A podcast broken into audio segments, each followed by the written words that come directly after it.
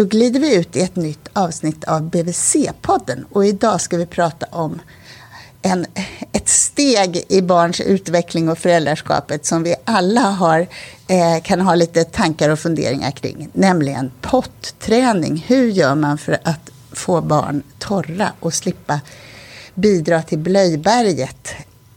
Jag heter Malin Bergström och är barnhälsovårdspsykolog och idag pratar jag med Sofia Bergenstierna. Och vem är du Sofia? Jag är tillsammans med min man författare till en bok som heter Potträning på tre dagar. Som numera har hjälpt mer än 25 000 familjer att bli torra. Sedan den lanserades för fyra år sedan. Och så driver vi också sajten blöjfri.se med en tillhörande supportgrupp där vi eh, dagligen stöttar föräldrar under potträningen. Och, eh, och hur kommer. Ja? Nej, jag, jag, skulle bara säga att utöver det så har vi även skrivit en barnbok om potträning och eh, vi har gett ut en pottkalender och nu jobbar vi med att ta fram stöd för förskolepedagoger och i viss mån även BVC-sköterskor kring det här med potträning. Men hur kommer man in på det här? ja, eh, ja alltså det började med vårt första barn, att min man hade läst en bok om att man kan sätta barn på pottan ganska så tidigt. Och ehm, ja, han kände direkt att det här måste vi prova. Så att vår dotter fick sitta på pottan två gånger om dagen tror jag det var. Så kanske morgon och kväll och en gång efter maten. Ehm, för det här tyckte vi kändes som ett, eh, ja, som ett lugnt och bra sätt att komma igång på. Och det höll vi på med ett tag, men eh, vi, vi kände egentligen inte att vi gjorde några större framsteg och vår dotter kändes ganska så förvirrad mitt i allt det här. Och då berättade vi om detta för våra vänner som då berättade hur de hade gjort med sitt barn som hade gått från att vara helt blöjberoende till pålitligt torr på mindre än två veckor. Och det där hade ju vi aldrig eh, hört talas om att det ens var möjligt. Så först var vi ganska så skeptiska, men sen de berättade mer hur det gick till och vi kände att det här måste vi bara prova. Så att eh, vi gick hem och ungefär när vår dotter var 18 månader så testade vi det här upplägget. Och då på bara tre dagar faktiskt blev hon torr både på natten och på dagen. Och då kände vi att det här var ju så otroligt bra. Det här måste vi sprida liksom så att fler föräldrar kan få, få den här informationen om det här tillvägagångssättet som vi hade hittat. Så att då fick vi idén egentligen till att skriva en bok som vi själva saknade kan man säga. Konkret guide steg för steg kring potträning. Och, um... Men du, vad har ni fått för respons av andra då? Därför det är en sak om man, jag tänker så här med alla metoder man kör med barn, att man råkar träffa rätt och så känner man så här, gud, nu har jag kommit på en universal lösning på alla problem här. Ja. Men hur har det funkat för andra barn och andra familjer? Det har funkat jättebra. Um, vi gjorde 2018 en undersökning. Uh, nu har vi ju hjälpt tusentals familjer. Ehm, och 2018 gjorde vi en undersökning och då fick vi 800 svarande kring alla möjliga frågor kring potträning. Men då tog vi också reda på hur lång tid det hade tagit till exempel för andra. För att det här är ju någonting som, som är intressant att höra såklart att det inte bara fungerar för oss på tre dagar. Och de siffrorna visar faktiskt att eh, drygt 30% blir torra på tre dagar. Och inom två veckor så är nästan 80% torra med det här tillvägagångssättet. När jag läste om er metod så tänkte jag att eh, Alltså, jag tänker att det finns en massa barn och en massa skäl till att det inte funkar. Men jag tyckte att det lät... Eh, någonting som jag tyckte var positivt med det, det var att det handlar om att verkligen, man kan säga träna barn eller hjälpa barn att koppla eh, mellan det faktum att man är kiss eller bajsnödig och hur man då gör. Mm. Och att ni skrev just om det här som ni hade gjort med er dotter, att ni hade satt henne på pottan vid vissa tider. Så jag tror det är en ganska van, ett ganska vanligt sätt i Sverige mm. att man börjar potträna barn. Mm. Att det är inte riktigt, det utgår ju inte från barnets egna signaler utan det blir mer en rutin liksom hur man ska ja. tömma blåsan och, och tarmen. Och det tyckte jag var väldigt tilltalande. Ja, det är just det som är, som är grundidén, att man utgår ifrån barnets signaler och behov när de uppstår. För att annars så får ju barnet sitta på pottan ibland kanske utan att man vet om barnet behöver kissa eller inte. alltså precis som du sa, att man utgår ifrån en rutin. Och det blir ju inte så pedagogiskt om man inte behöver kissa till exempel. Då kan det ju snarare bli att pottan blir tråkig om man inte vill sitta kvar. Och sådär. Och som ju jättemånga familjer fastnar i, att man tragglar med det ja, med barnen. Ja, verkligen. Och sen så kanske man, ja och det tar väldigt lång tid. Och det är lätt att tappa modet på vägen. Ehm, och ja, då kanske man tar till olika lösningar för att få barnet att sitta kvar lite grann. Ehm, mm. Och det, ja, det blir inte så pedagogiskt. Alltså det här sättet är upplagt, alltså när egentligen behovet uppstår, då hjälper man barnet i pottan och då gör ju barnet kopplingen. Okej, okay, när det känns så här så händer det här i kroppen och då ska jag ta mig till den här pottan som står här borta. Så det blir... Um, ja, det är det som är pedagogiken egentligen. Beskriv då vad metoden går ut på. Hur gör man? Ja, mer konkret eller? Ja, precis. Um, alltså, målsättningen med, med metoden är att man hjälper barnet att bli så självständig som möjligt i att hantera sina behov. Så att barnet lär sig känna igen signalen och liksom agera på den, att ta sig till pottan. Alternativt att man ber om hjälp. Och hur man gör det är att man eh, sätter av några dagar åt potträning när man egentligen inte har någonting annat som man vill fokusera på. Utan att man, man fokuserar på potträning och man är tillsammans med sitt barn, man leker tillsammans och man tar av blöjan helt från, från starten. Och sen... Förbereder man barnet innan då? Man förbereder barn, precis. Vi har ganska stort fokus på förberedelser i boken just för att att bli blöjfri är ju en stor omställning, både för barnet och för föräldrarna. Och um, ja, det, det är ett väldigt viktigt steg. Så det gör man innan. Och sen tar man av blöjan och då börjar ju barnet att kissa och bajsa på, på golvet. Um, ja, det kanske inte låter så, så trevligt men det är en del i det här, man får städa upp helt enkelt. Um, och så när barnet kissar till exempel så lyfter man eller leder man barnet till pottan så att barnet kan avsluta där. Och då blir det, då blir det väldigt tydligt och lättare för barnet att koppla ihop det här, hur kroppen och pottan hänger ihop. Just det, och då var det, du skrev, tror jag, eller sa att liksom det första steget det skulle vara att man märker oj, nu har jag kissat, nu blev det blött här. Ja, precis. Alltså barnet går igenom tre medvetandesteg, kallar vi det, under potträningen. Eh, och det första steget är ju då att, att barnet kanske egentligen inte förstår vad det är som händer. För att när man är, man har blöjor dygnet runt så länge som, som vi har, Ehm, i och med att blöjorna är så bra så känner ju egentligen inte barnet av att de kissar. Så att för många barn, så när man tar av blöjan så blir ju det att de upptäcker att de kissar. Så det är ju egentligen det första som sker och då, då kan man säga att eh, barnet når det första steget, vilket är dåtid. Barnet inser oj, jag har kissat. Och sen allt eftersom man pottränar så kommer barnet till nästa steg som är nutid. Ehm, jag kissar just nu, oj det blir blött, titta jag kissar just nu. Och sen kommer barnet till det tredje steget som är framtid. Jag behöver kissa. Och då inser ju barnet att hmm, nu känns det sådär i kroppen. Och då behöver jag kissa. Och då kan man ju börja jobba med att, att eh, det är ju först då egentligen som barnet kan pricka sitt kiss i pottan alltihopa från början eftersom den inser redan innan det har kommit ut att det, det är på gång. Så att det här är lite grann Så... processen under potträningen.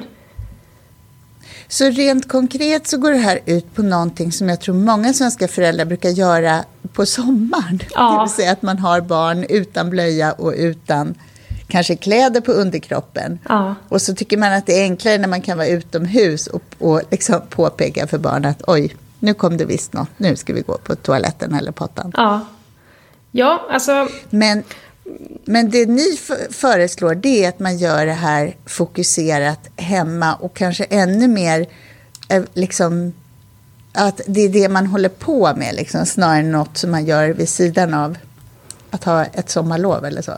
Ja, alltså jag tycker det är viktigt att man, att man fokuserar på det här utan att det ska, det ska absolut inte kännas som att det är någon press. Men att man ändå gör det här och inte så mycket annat, i alla fall de första, första dagarna. Um, för att det blir, det blir mycket lättare då för barnet att, att koppla ihop och få det här kontinuerliga stödet. För annars kanske man står och diskar och så kissar barnet eh, på golvet och så märker man inte det och då missar man lite grann det där träningstillfället. Och det är samma sak om barnet springer naken ute på sommaren i gräset. Det är ju egentligen inget det finns ju ingen garanti att barnet gör kopplingen mellan vad som sker och att ta sig till pottan. Så att det gör ju inte att barnet blir pottränat per automatik. Så jag tycker att det här sättet är väldigt bra för att hjälpa barnet att förstå helt enkelt. Alltså det är upplagt för att det ska bli så lätt för barnet att förstå som möjligt. Och det är också därför som det kan gå så snabbt.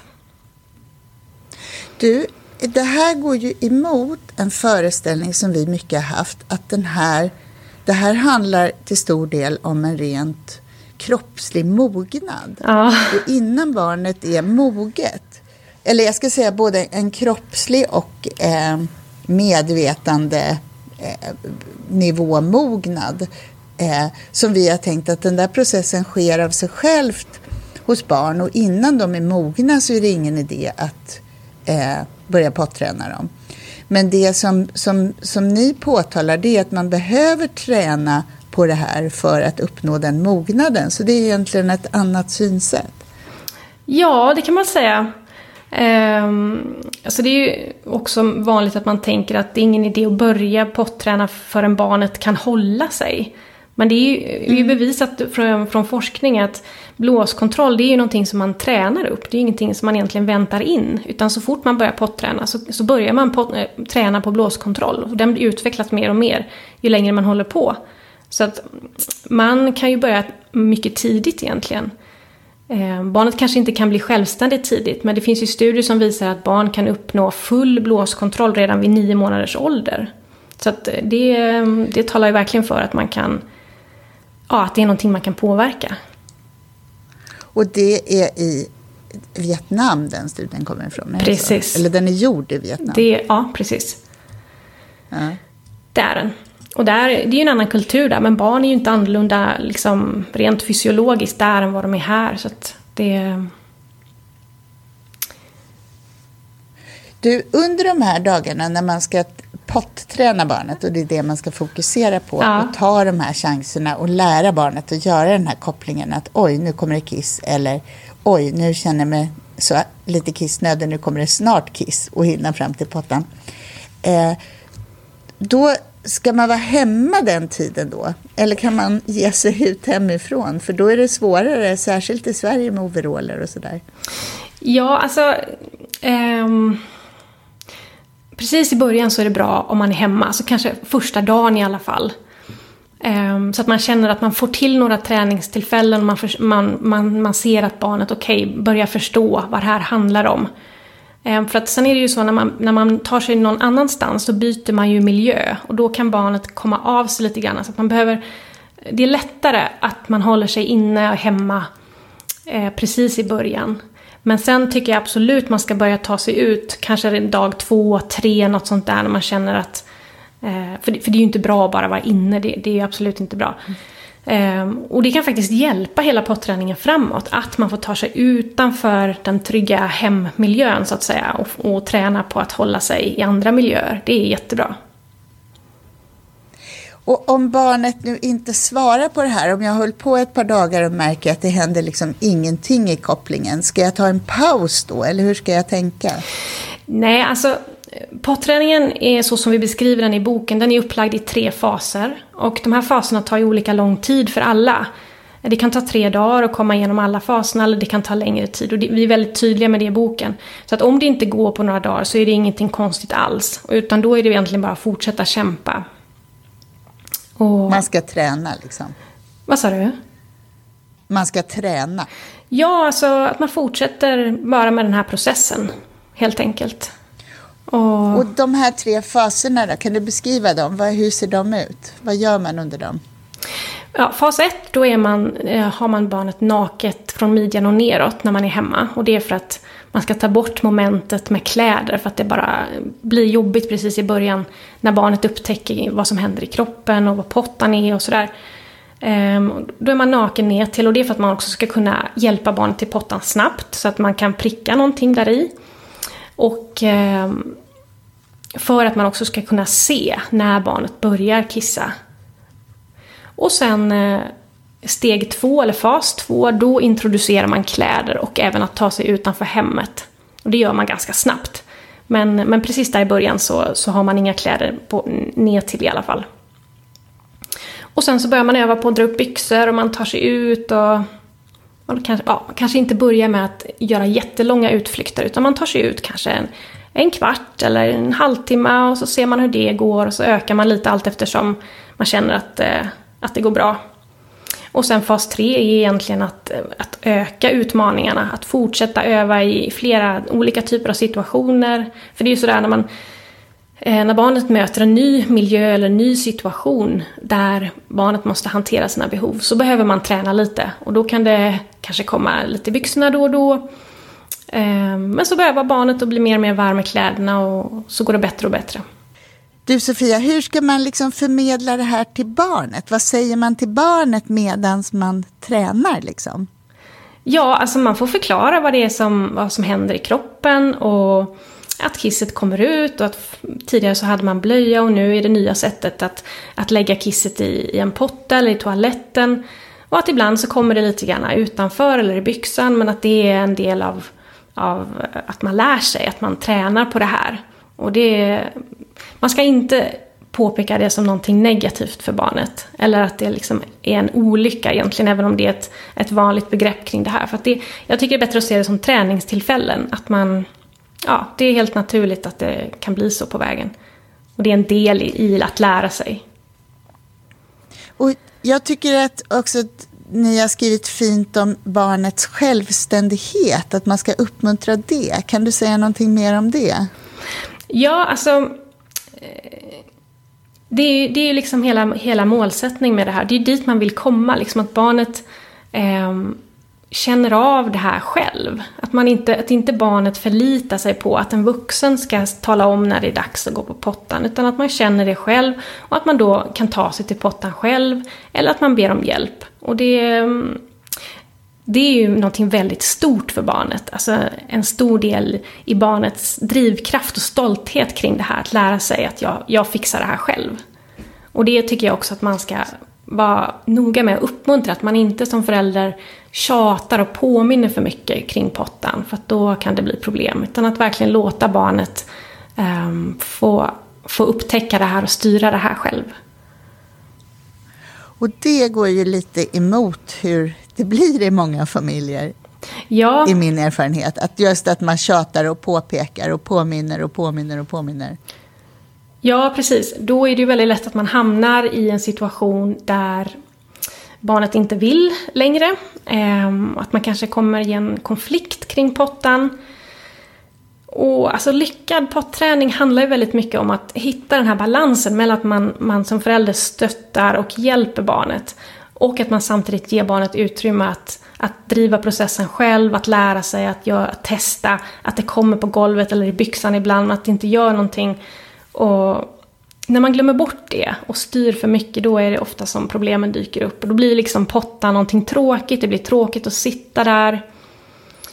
Um, ja, så det kan bli negativt på det sättet. Och då, det man ska göra då för att lösa den situationen, det är att man måste backa. Backa i hela sin framtoning, sitt kroppsspråk och låta barnet få ta plats. Kan du säga någonting konkret om hur man gör det? Eh, man, kan säga, man kan faktiskt börja med att be barnet om ursäkt. Man kan säga du är ledsen att eh, jag har frågat dig så mycket om pottan och påmint om pottan hela tiden. Jag förstår ju att du vill klara det här själv. Och nu är det du som bestämmer när det är dags. Till exempel. För, för det, det, kan vara faktiskt ganska kraftfullt att man kan be om ursäkt, att även en förälder kan göra fel kring en sån här sak. Och då kan man liksom få en lite av en omstart. Um, och barnet känner då att, ja ah, men okej, nu är det jag som, som driver det här. Och um, ja, så kan man komma vidare från det sättet. Jag tycker det du förespråkar, det är lite som när man lär barnen att cykla så småningom, eller simma. Att man, ja. man, man, man uppmuntrar deras ansträngningar på något sätt och, och liksom håller hoppet uppe när de ska kämpa på och träna. Ja, ja visst är det så. Du, vid, vid vilken ålder tycker du att man ska börja potträna barn? Ja, alltså om man tänker att eh, potträning handlar om att barnet blir självständigt, att det är det som är målet, liksom, att barnet börjar ta över och kunna sköta sina behov själv. Då är det ungefär 18 månader som är en bra tid, för att då eh, kan barnet eh, eh mm, vad heter det? Följa enklare instruktioner, barnet kan gå till och från pottan själv, barnet kan eh, dra upp och ner byxor. Alltså sådana där saker som, som hör till, som hjälper till att, att klara av, börja klara av det här ska jag säga. Det är ju väldigt svårt med en tio månaders till exempel. Dit eh, mm. kommer man ju inte i, i, vid den åldern, även om man kan börja med potta tidigare också. Men potträning så som vi beskriver i boken är med start omkring ungefär 18 månader. Och då är det egentligen betydligt tidigare än de flesta barn, åtminstone i Sverige, blir blöjfria idag. Ja, det är mycket tidigare. Det är ju tre och ett halvt, fyra år som är snittet idag. Jag tror den senaste siffran Oj. är från 2015 med fyra år faktiskt. Aha. Du, eh, ska man göra annorlunda på natten? Eh, ja, alltså Eh, natten, man kan ju börja med potträning på dagen och eh, sen när det går bra så kan man ta tag i natten. Alltså där, man kan välja hur man vill göra själv, om man orkar. Men jag eh, tipsar om att inte vänta för länge med natten. Jag tycker att det är en jättebra strategi att ta bort nattblöjan ungefär i anslutning till att man tar bort den på dagen. För att vi märker det i, när vi ehm, stöttar och hjälper föräldrar. Att de som låter nattblöjan vara kvar för länge, det blir oftast mycket kämpigare då att bli av med den. Och jag tror att det har att göra med att när barnet lär sig att lyssna på sina signaler på dagen och man har kvar nattblöjan, då blir det som att barnet lär sig att okej, okay, jag ska lyssna på signalerna på dagen men på natten så ska jag ignorera dem. Och sen när, när man sen vill ta bort den senare, flera månader senare eller något år senare, då måste ju barnet lära om. Och dessutom när barnet sover och inte riktigt är medvetande på samma sätt. Så att då blir det kämpigare. Så det är verkligen något som jag vill skicka med. Att man kan testa även på natten när barnen är så här små? Ja, absolut. Eh, det är en väldigt vanlig myt idag att man inte kan påverka alls eh, barns förmåga att hålla sig torra på natten. Men eh, det handlar ju om blåskontroll även på natten och det är faktiskt en träningsfråga, precis som på dagen. Det visar forskning. Så att ehm, det är absolut möjligt att påverka det. Men trots det så väntar ju många och blöjindustrin säger att man ska vänta eh, gärna till att blöjan är torr på morgonen flera dagar i rad innan det ens är lönt att ta tag i det. Men vi gjorde faktiskt en undersökning 2018, samma undersökning som jag nämnde innan, eh, där vi frågade just kring det här med natten. Och då valde 67% att ta bort nattblöjan inom 14 dagar från det att de började potträna på dagen. Och då ser vi att nästan 85% hade blivit torr på natten inom två veckor. Och då hade faktiskt hälften av dem en våt nattblöja vid, eh, vid starten av natträningen. Så att, mm, ja, man kan verkligen påverka det där. Och man behöver inte vänta på att blöjan ska vara torr på, natten, på morgonen. Nu, jag tänker, men ni har gjort egna undersökningar i den här communityn som ni har ja. på nätet. Eh, men annars är det inte, finns det särskilt mycket forskning kring det här. Du menar just eh, metoden som vi beskriver i boken? Ja.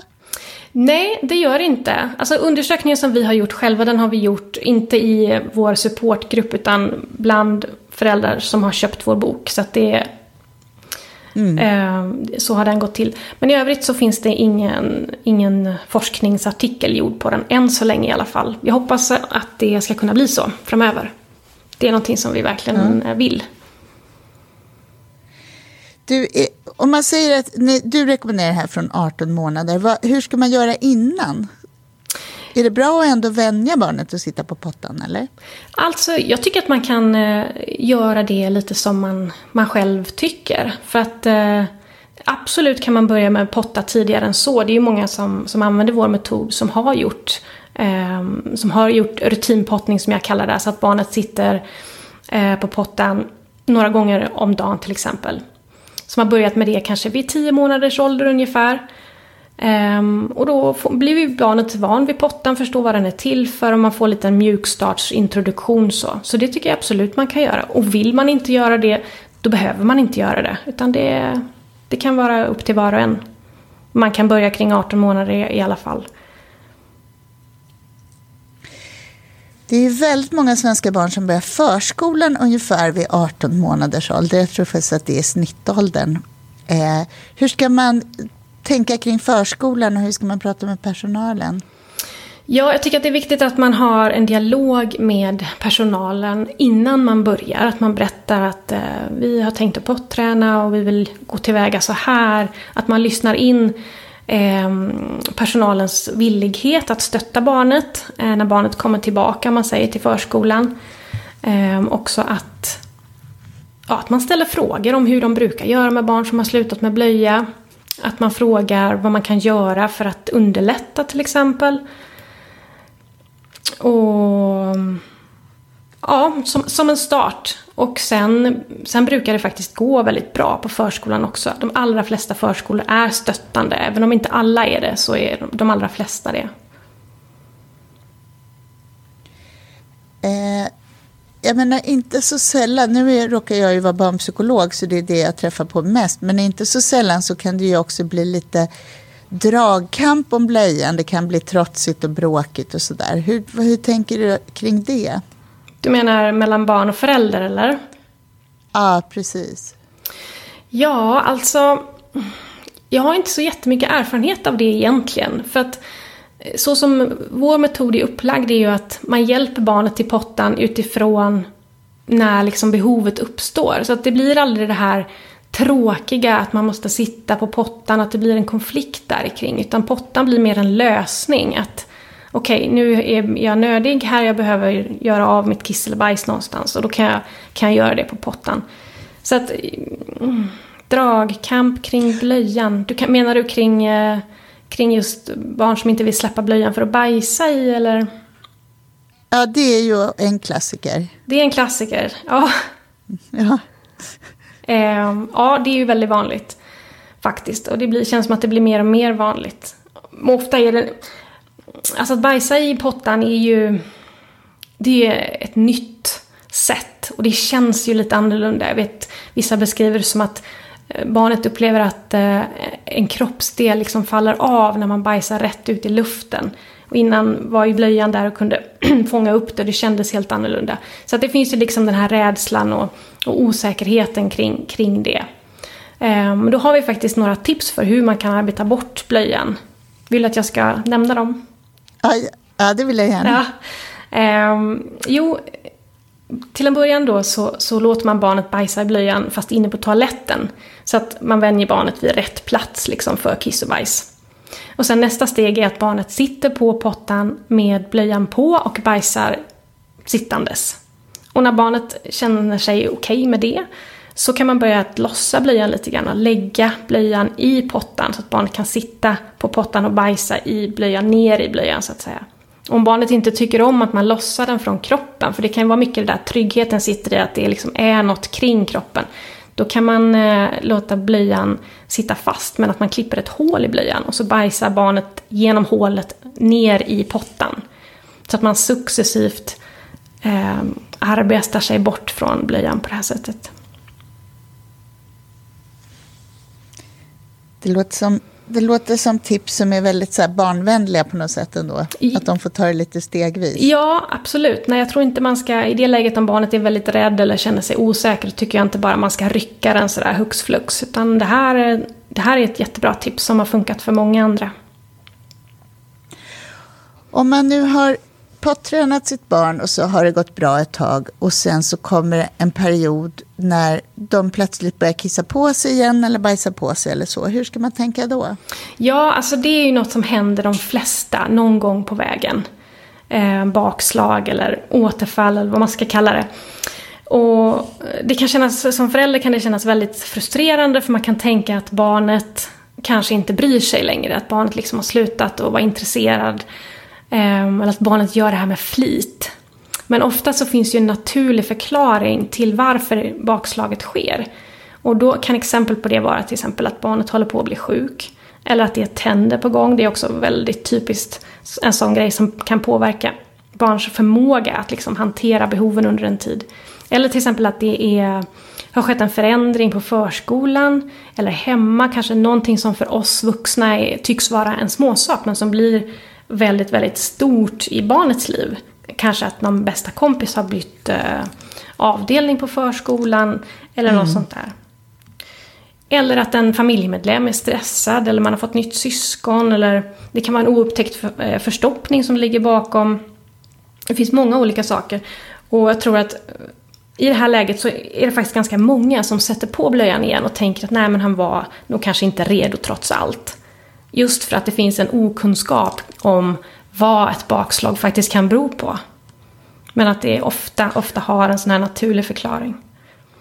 Och, man kan och då, då tänker du att man innan man sätter på blöjan igen så ska man istället försöka fundera på vad är det som har förändrats? Är det någonting som har hänt? Absolut. Att man leker lite detektiv. Ja, man leker detektiv kring, kring situationen. Och sen så kan man ofta hitta en anledning och då får man stötta barnet igenom det här så gott det går och göra de förändringar som man kan för att eh, det ska kännas bättre för barnet. Och så kan man prata med barnet om det som sker och hur det kan påverka kroppen. Så att man liksom rider ut stormen lite grann och sen brukar det falla på plats igen väldigt snabbt när den här perioden eller vad det nu är som, som påverkar är, är över. Har du erfarenhet av att potträna lite äldre barn? Eh, alltså barn som man kan tänka, alltså antingen bara man har inte prövat innan eller så har de lite fastnat med blöjan eller så. Har du erfarenhet av att prova och potträna så här intensivt som du föreslår med, med barn i den situationen? Eh, ja, alltså metoden är ehm, använd av barn från allt ifrån 15 månader upp till 4-årsåldern och den fungerar egentligen Eh, lika bra. Så det är inget, man ändrar inte tillvägagångssättet beroende på ålder. Möjligtvis kanske lite hur man kommunicerar och sådär. Um, så att eh, jag vet inte vad du menar riktigt med, med äldre barn men jag tänker att kring fyraårsstrecket där kan man absolut använda det här sättet. Jag tänkte nog på barn också så här, där man har fastnat i lite kamp och man försöker så här, säga till dem de ska gå på pottan vid vissa tider. Och man, mm. ja, man har hamnat i någon sån här lite dragkamp. Liksom. Mm.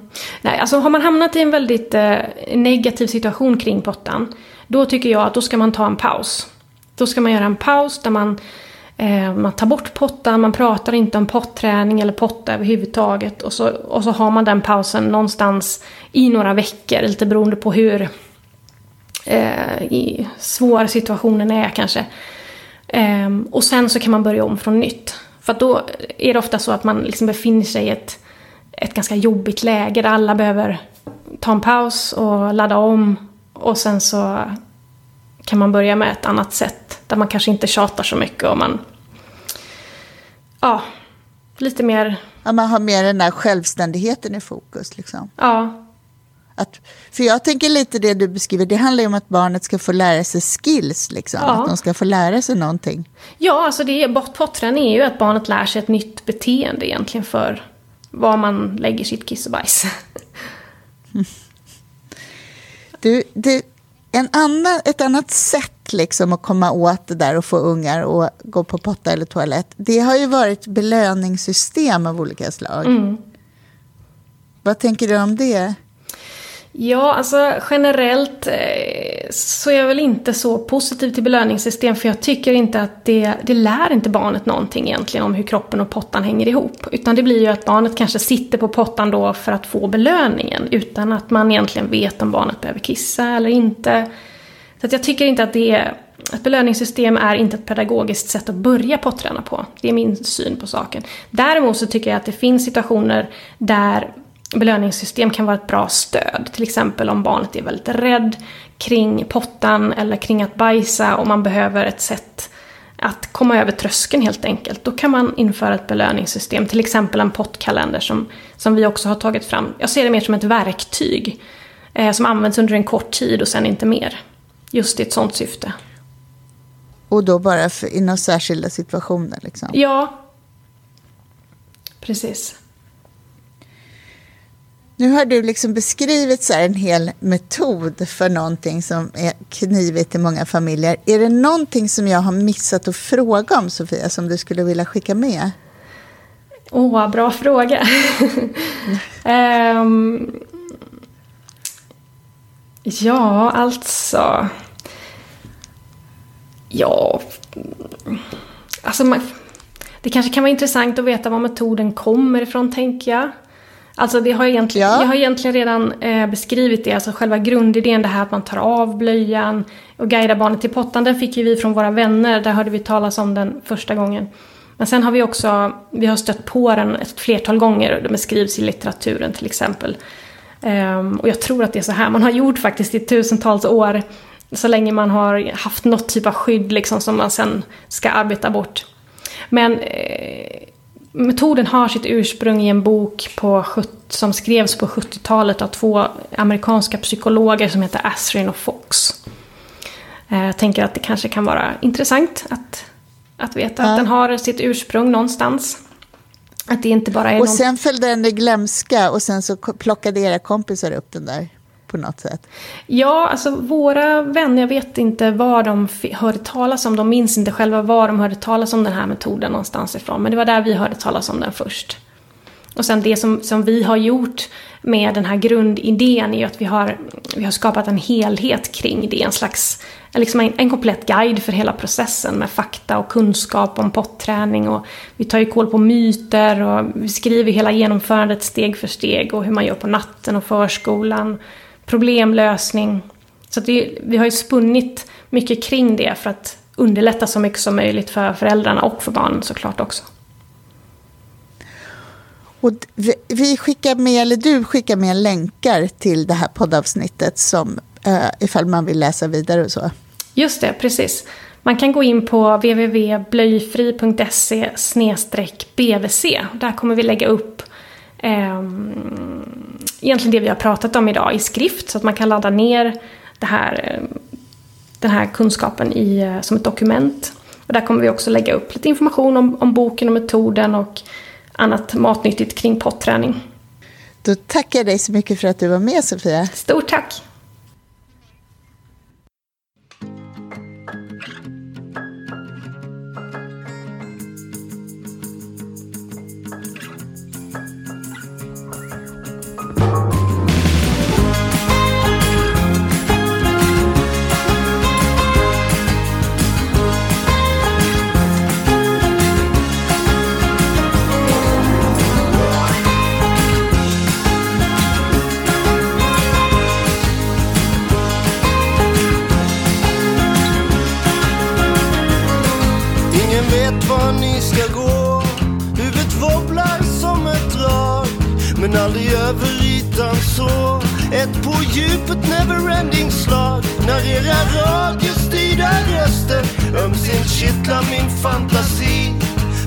spelas sönder impulserna för mitt självbedrägeri. När ni skjuter ut er i natten finns det inget av mig kvar. Alla döda ögonskratten, bara vakten minns vem som var. När ni cementerar kvällen är det utan min frenesi. Den insomnade eternellen vaknar aldrig mer till liv. Ut i natten.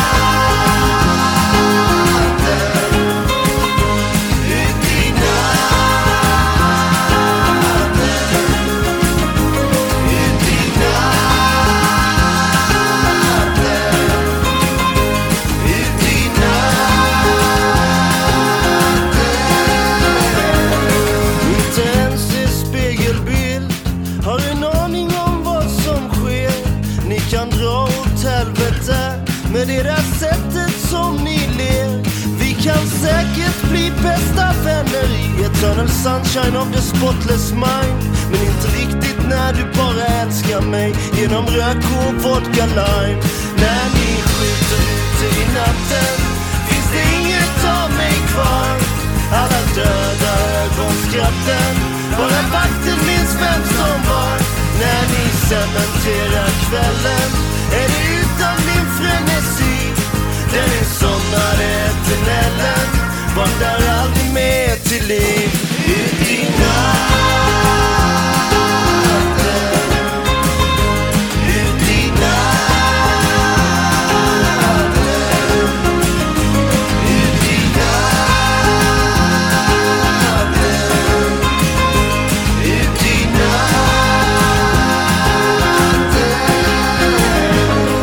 Varje rep som hakats av för oss kan nu hängas runt min hals.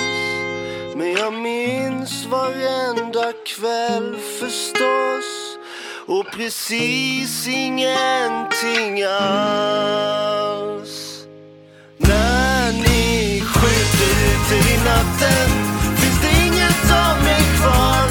Alla döda ögonskratten bara Cementerar kvällen. Är utan min frenesi.